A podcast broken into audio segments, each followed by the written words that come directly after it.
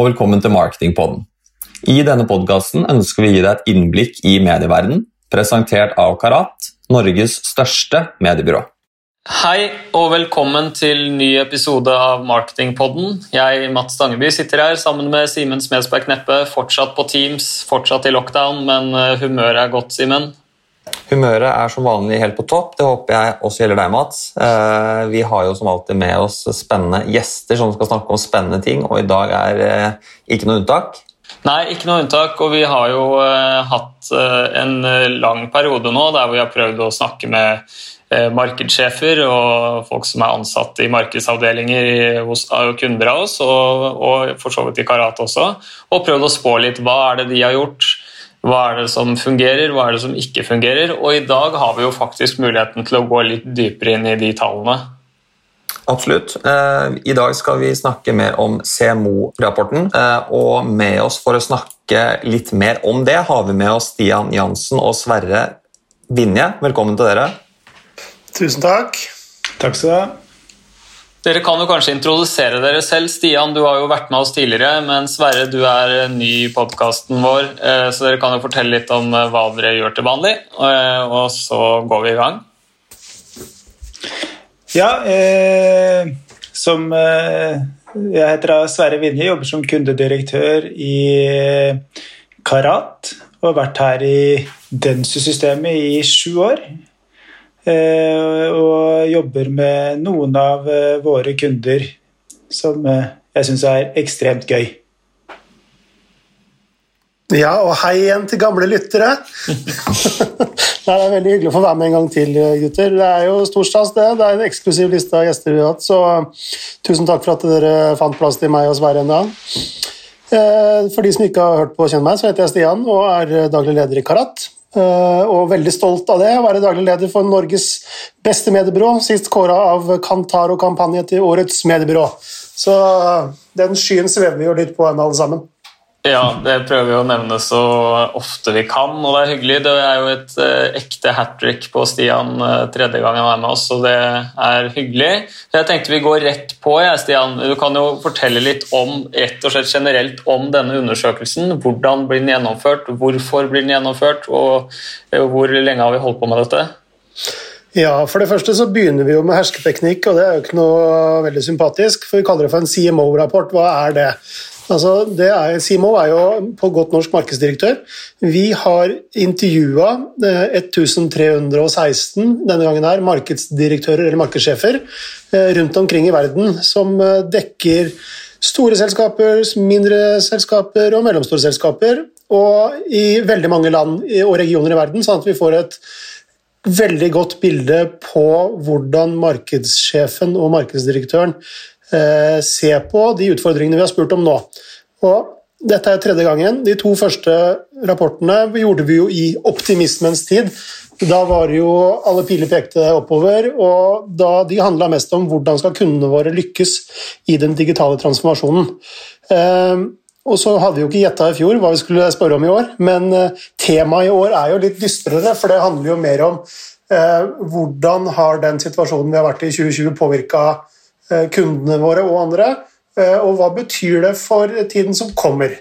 Eh, og det er jo veldig spennende, men kanskje ikke like lystig da, som de to andre rapportene. Nei, og det er nok det er jo som du sier ekstremt forståelig også. Dere har jo snakket med ekstremt mange, og det er jo her da både ledere fra store bedrifter og det er ledere fra små bedrifter. Eh, er det noe vi ser som både går igjen, altså fellestrekk? Om eh, du kan snakke litt om det, Sverre? Ja, det som, det som, kanskje var, er det et av de fine premissene ved denne undersøkelsen, i og med at det er en undersøkelse som går eh, som Stian nevnte, ut til veldig mange land, det er at jaggu meg så møtte vi dette her viruset litt på samme måte. Eh, så kanskje eh, vi denne gangen virkelig kan si at undersøkelsen har resultater som er interessante lesning for alle, og at ikke det bare er noe som har skjedd i, i andre land. Det man ser, det er jo at særlig de minste selskapene, altså de, de, eller ikke minste, altså de selskapene med, jo, de minste selskapene, de, de, har hatt det virkelig tøft. Men det er jo litt sånn uh, som vi hvis vi skal liksom trekke parallellen til Norge, det vi alle har merket, er at uh, det er dagligvarebransjen, elbransjen, uh, sport, byggevare har gjort det faktisk bedre kanskje enn noen gang. Uh, og så er det de som har kommet litt mer i, i den usikre fasen, sånn som treningskjeder som var litt av og på. Bilbransjen som plutselig fikk en liten sånn stopp, men som kommer, har kommet seg Eller i hvert fall bilbransjen har kommet seg veldig godt tilbake. Og så er det de som virkelig har fått det i fleisen, som, som er mer reise, reise og og hotellnæringen, og selvfølgelig også i stor grad eh, tjenestenæringen. Mm. Mm. Og det er jo eh, klart at eh, noen blir jo truffet hardere enn andre av dette her. Men det er jo kanskje mulig å se noen felles utfordringer, og det dekker også denne rapporten, hva man ser på som de store spørsmålstegnene videre. Ja, de store spørsmålene handler om er Eh, eh, er denne eh, flyttingen Er dette permanent? De endringene man har sett hos forbrukerne? Er det sånn at vi kommer til å, å handle på uh, netthandel på den måten som man liksom har hatt den eksplosive veksten? da? Eller er det sånn at det faktisk utjevner seg litt over tid? Uh, blant annet er et av de tingene man har bora litt inn i, som skaper store usikkerheter. Og så lurer man på uh, Er forbruket permanent. Vi hadde jo senest i dag eh, hadde vi, vi et eh, intervju på et kundeseminar i Densu med en fra E24 som sier at dette er som kommer antageligvis til å svinge ganske godt opp igjen for, for Norges del. Eh, men det er en usikkerhet som er der. Mm. Men så er jo, dette her er jo statistikk, ikke sant? og det kan man bruke på mange forskjellige måter. Det kan leses positivt, og så kan det leses negativt. Eh, for i rapporten så svarer jo 90 eh, av de vi spør, at eh, korona og pandemien kommer ikke til å få dyptgående effekter på deres bedrift eller marked. Og Det er jo kjempepositivt, men så svarer 10% at det som har skjedd nå, det er game changing for de. De må enten legge ned eller bli noe helt annet. Det, og 10% er jo veldig veldig mange bedrifter, veldig mange mennesker og veldig mye penger. Så man kan jo se den positive 90 eller den negative 10 og Sånn er det jo gjennom hele rapporten. 62 eh, av de som blir spurt, sier jo at de kommer til å vurdere å redusere budsjettene, og det er jo de eh, våre venner i mediene veldig opptatt av, i hvert fall. Eh, men så kan man si andre veien da, at 38 vurderer, nei, 48, 38 ja, vurderer jo ikke da, å redusere, kanskje å øke. Så det er jo to måter å lese det på. Men det henger jo godt sammen med, med litt av det som uh, man var inne på i stad i forhold til hvilke selskaper som på en måte ser at det har, har eh, faktisk vært fantastiske oppsvingsmuligheter. Uh, så, så, helt enig med deg, Stian. Det her finnes et kjempepotensial og mye positivt som, som, uh, som, både har skjedd av innovasjoner og, og, og, og vekst innenfor noen bransjer. Mm. Så kan vi jo eh, si, det glemte vi å si i starten, gutter, at det er jo ikke noe vits å ta notater, for det, denne rapporten er jo tilgjengelig for nedlasting for alle som vil, uh, på Karat sine sider og på Densu sine sider og plattformer. Så um, de som vil notere, kan godt gjøre det, men det er ikke behov for det. Veldig, veldig fint at du minner alle våre lyttere på det, Stian. Siden vi nå har på snakket med så ekstremt mange forskjellige selskaper, forskjellige personer eh, Det er ikke noe tvil om at dette her er en type måte, situasjon som ingen har vært borti før. Eh, det har vært ekstremt vanskelig å måte, navigere, det har vært veldig vanskelig å legge planer. Så hvor har disse eh, type måte, markedssjefene både hentet liksom, måte, kunnskap fra for å klare å måte, navigere og legge en plan for, for type perioden fremover? De har jo henta det altså, Mange har hentet det fra tidligere erfaringer. Eh, og det har jaggu meg vi også gjort, når vi har begynt å sette på liksom finanskrisen. Hvordan skjedde tingene der? Hva skjedde etter eh, eh, 9-11? Eh, så man har liksom gått tilbake og så sett på, på hva som har skjedd før. Eh, så, så men, det, men, det, er jo det, er ikke så rart. Man er nødt til på en måte å prøve å finne noen sånne uh, erfaringsbaser. Ja, da er det vel det når du ikke bruker tidligere erfaringer eller ikke klarer å sammenligne med noe, hva er risikoen med det? Nei, risikoen er jo at øh, øh, altså Hvis du sammenligner da, med tidligere Hvis jeg kan snu det litt rundt og si mm. at risikoen med å sammenligne med ting, er jo at vi har jo aldri opplevd noe tilsvarende som det vi gjør nå, med, med, hvor det er pålegg fra myndighetene som sier at vi skal sitte på hjemmekontor. Eh, vi får ikke lov til å reise med kollektivtransport, vi får ikke lov til å dra på treningsstudio, vi får ikke lov til Det er så vidt vi får lov til å ha ungene i gang på, på idretter. Eh, så, så, det er klart, det, det, gjør jo at man blir jo tvunget da, til å gjøre ting på en helt annen måte enn det man har gjort før. Vi sitter jo nå på Teams og gjør en podkast, det ville vi jo ikke gjort til vanlig. Det er klart at vi får en digital læring her som er enorm, som kommer til å få eh, varige endringer på hvordan vi jobber. Eh, vi ser, eh, som vi nevnte i stad, en eh, eksplosjon i netthandel. Det er klart at eh, selv min voksne far på 70, over 70 år han handler jo på nett og ser jo plutselig at det er en god mulighet. Så det får jo vare endringer. Mm. Jeg tenker at det er veldig fint at eh, vi får litt optimisme også, Sverre. Så det er godt å høre at vi har Eh, positive utfall av dette her òg. Det har jo Simen og jeg prøvd, eh, å skape litt optimisme i en veldig grå hverdag. Så hvis vi går videre, Stian, hva er fellestrekkene på de CMO-ene som er mest optimistiske og mest fremoverlente? Eh, jo, det, det, er noen fellestrekk vi har samlet sammen, men før jeg tar de, så tenkte jeg faktisk litt på det som Sverre snakka om nå. for det det er klart at eh, det er jo lurt hvis man har vært med på lignende hendelser før, for vi har jo det. Mange selskaper har jo vært igjennom resesjoner og andre store hendelser, og da kan man jo lære av det man gjorde riktig og feil sist. Men så må vi tenke på at noen av verdens største selskap i dag de eh, er jo såpass unge at de har ikke vært med på dette her før. Eh, noen av de aller største selskapene i verden er, er ungdommer eh, og har ikke den erfaringen. og Det kan jo være bra, eller det kan være dårlig for dem, men da må de i hvert fall da, se på businessen sin med nye øyne nå for å komme ut av dette på en god måte. Så ja, det er god læring av historie, men eh, ofte så er det kanskje best å ta den situasjonen man sitter i nå og gjøre det riktig ut av det. Men ja, tilbake til spørsmålet. Jeg har lyst til å snakke om egentlig tre eh, hovedutfordringer som de, de markedsdirektørene ser. Og det, og det, er jo gledelig for oss som i mange år har gått rundt og predikert hvor viktig det er å kjenne markedet sitt, kjenne forbrukeren sin, altså å være god på innsikt. Eh, og de sier nå at det viktigste eh, utfordringen fremover er å forstå forbrukeratferd eh, på riktige måter.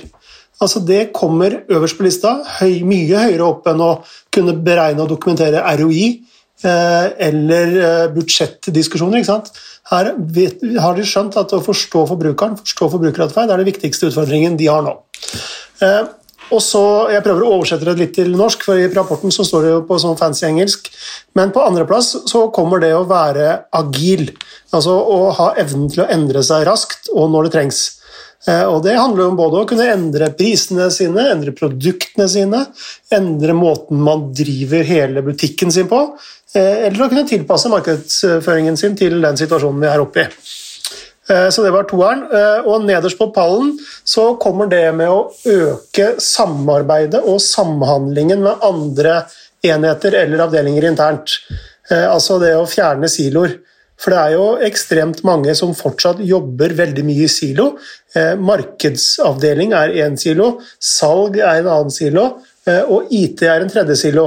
Nå ser vi at eh, De ser at utfordringen blir å bryte ned de siloene og jobbe mer på tvers i enhetene og avdelingene internt. Mm. Så Det er egentlig topp tre. Og så har jeg lyst til å bare nevne femteplassen. For det syns jeg er interessant, og det er noe vi snakker veldig mye om i Karat og Densu. Og Da sier jeg at ledere må bli bedre på å forstå behovene til sine ansatte. Eh, og det er jo eh, for oss eh, mye høyere opp enn på femteplass. For det, jeg leste et annet sted at ledere i privat sektor i Norge. Vet dere hva snittalderen på de er? Jeg tipper det er høyt. Ja, det er i hvert fall eldre enn dere. Den er 56 år. Eh, bare et par år under snittet på ledere i offentlig sektor. Eh, og når du er 56 år, så er du jo ikke gammel. Men de som begynner å jobbe hos f.eks. oss nå, de er jo i 20-åra, i midten av 20-åra. Og det å forstå de behovene, eller forstå at de behovene de har, er annerledes enn både egne behov og de forrige ansatte de, de ansatte i bedriften, det er ekstremt viktig. Eh, og det jo, handler jo om hvordan skal vi for det første tiltrekke oss de riktige og de beste folka. Og Det gjør man jo ved å forstå hva som trigger de, og hvordan skal man beholde de og være så attraktive som mulig for å være et sted med flinke folk vil jobbe lengst mulig. Så eh, Det var femteplassen i rapporten, men pallplass i den så Karat i Norge i hvert fall. Veldig veldig kult å høre. Og jeg syns det er ekstra typen spennende og ikke minst både morsomt å høre at det, eh, omtrent hele denne pallen tror jeg vi har snakket med våre kunder om før, og er også måte, ting som de har måte, lagt vekt på, spesielt rundt dette med å både være måte, agile og kunne legge frem nye tjenester eller justere måte, prisene sine ettersom eh, typ, hvordan, eh, si, hvordan deres marked har eh, kalle, forandret det i disse tidene. Mm, det er jo ting som vi har lært videre, da, vet du, Simen. Så eh, kreden går jo videre bortover eh, på Teams-møtet her. Men det er godt det å høre at vi har forstått uh, hva som er viktig. Uh, ja. Uh, med et marked i ekstrem forandring, så vil jo også dette bety en del på en måte, forandringer for til markedsavdelingene også, vil jeg tro. Sverre, har du noen liksom, tanker? Hva vil dette her si for ja, for de ulike markedsavdelingene i månedene og om ikke årene også framover? Eh, det har jeg en del tanker om. Eh, og, og I denne undersøkelsen så, så, snakker man jo fortsatt om at markedsavdelingene har en eh, kjempeviktig jobb i forhold til det å skape vekst. Eh, det kommer vi til å bli målt på, og det mener vi også i Karat er noe av det vi syns er mest spennende å jobbe med kundene våre, å skape forretningsverdi. Så, så, den står liksom helt på toppen. Eh, vi sitter på mer innsikt til å forstå markedet eh, enn noen gang, så det er en god nummer toer på, på hva markedsavdelingene kommer til å øh, jobbe mye med framover. Og så begynner vi kanskje å bevege oss over i det som, som, virkelig er det som er det nye, og det er å utvikle nye produkter og tjenester basert på akkurat denne innsikten. Og øh, fy søren så gøy det var i mars og april når øh, når eh, vi fikk eh, virkelig testa ut innovasjonsevnen eh, i Norge, og hvor kort det gikk fra man hadde en god idé til at man faktisk hadde en helt ny tjeneste eller en helt ny løsning. Hvor mange av kundene våre vi virkelig har vært med og diskutert helt nye, nye løsninger, det har vært gøy. Jeg jobber med Maxbo, Eh, noe av det, det, vi gjorde for første gang, er at vi har levert maling på døra hjem til folk som hadde et eh, kjempeønske om eh, å få lov til å male i denne perioden vi var i. Vi har hatt kunder som har begynt med utleveringer på parkeringsplasser, og man har virkelig liksom eh, jobba hardt for å, for å utvikle i hvert fall eh, leveranser av produkter. Så her kommer vi til å, til å jobbe mye framover på, på, på, det å utvikle produkter og tjenester. Og så er det jo det å jobbe aktivt med, med gode kundeopplevelser, jobbe med lengre linjer, tenke 360-tilnærming på kundeopplevelser. Og så er det jo det siste punktet som kommer opp, det er å bygge gode og sterke merkevarer. Så markedsavdelingene kommer til å ha masse spennende å jobbe med framover, det er helt sikkert. Mm. Og så er det jo litt kult, da, unnskyld at jeg henger meg på her, men eh, vi som nærmer oss den der snittalderen til næringslivsledere i Norge vi, når vi studerte markedsføring, så var det veldig mye fokus på de fire p-er. og Det har sikkert dere ungdommer hørt om også. De fire p-ene markedsføring, også product, place, price og promotion. Eh, og så, dette er jo en konklusjon vi selv trekker i rapporten, men de siste tiårene så har kanskje markedsførere fokusert eh, vesentlig mer på promotion-delen av de fire p-ene enn på de tre andre. Eh, men det vi ser nå, er at det er en sånn return to basics eh, for mange markedsstrategier. For nå kommer strategien også til å ta inn i seg nye produktutviklinger, som Sverre snakker om. Eh, og Place handler jo om hvor man selger varene sine, så nå må man jo utvikle nye og bedre e-commerce-muligheter, for da er det der folk vil handle. Mm. Og så må man jo optimalisere prisene sine på en ny måte. Så dette er litt sånn tilbakegang, tilbakekomst for de fire p-ene. Og så er det jo et sånt spørsmålstegn med en femte p som vi har, og den p-en heter purpose. Og i Purpose så legger vi at eh, ja, du kan jobbe med nye prisstrategier, men du må ha en fleksibel prisstrategi som kan møte konkurransen på nye måter. Ja, du kan jobbe med produktutvikling, men det viktigste nå er jo å møte kravene og behovene til kundene dine. Så du må ha en eh, produktutviklingsstrategi som hjelper eh, oss kunder med de opplevelsene og de tingene vi vil ha løst. Og så er Den siste delen der er jo at man må alltid tenke eh, sikkerhet og helse og alt det for egne ansatte og kunder. Så den, den purpose P-en tror jeg kommer også inn i de fire P-ene på en ny måte nå. Mm. Jo, vi hadde jo en veldig interessant eh, episode med rett før sommerferien med Dyreparken, som virkelig viste at de var fleksible og hadde purpose med å være klar med en full rigga bilpark hvis det var det eneste alternativet. Så det, det, er jo det er veldig gøy å se de som har eh, kommet opp med sånne løsninger. Eh, jeg tenkte helt avslutningsvis, Stian, så kan du få lov eh, å fortelle hvordan vi i Karat kan hjelpe kundene våre fremover med alt dette vi har snakket om nå? Ja, altså det viktigste, dette, Den rapporten er jo kjempemye god info for alle, men det viktigste vi gjør Eh, vi tar den rapporten, og så eh, bryter vi den opp i biter og finstuderer den. Og så tar vi ut de tingene, de enkelttingene som kan hjelpe de forskjellige kundene våre. Og her har vi masse mat for gode diskusjoner med kundene våre, som er godt i gang med å legge 2021-strategiene, men dette kan være veldig verdifull input for de. Eh, og jeg er jo fortsatt evig tilhenger av utfordring nummer én, som jeg snakka om i stad å hjelpe kundene våre med å øke sin forbrukerinnsikt og forstå forbrukeratferd. Det tror jeg er det viktigste vi kommer til å gjøre for kundene våre fremover. Supert. Skal vi si at det, dette var det, Simen, for denne gang?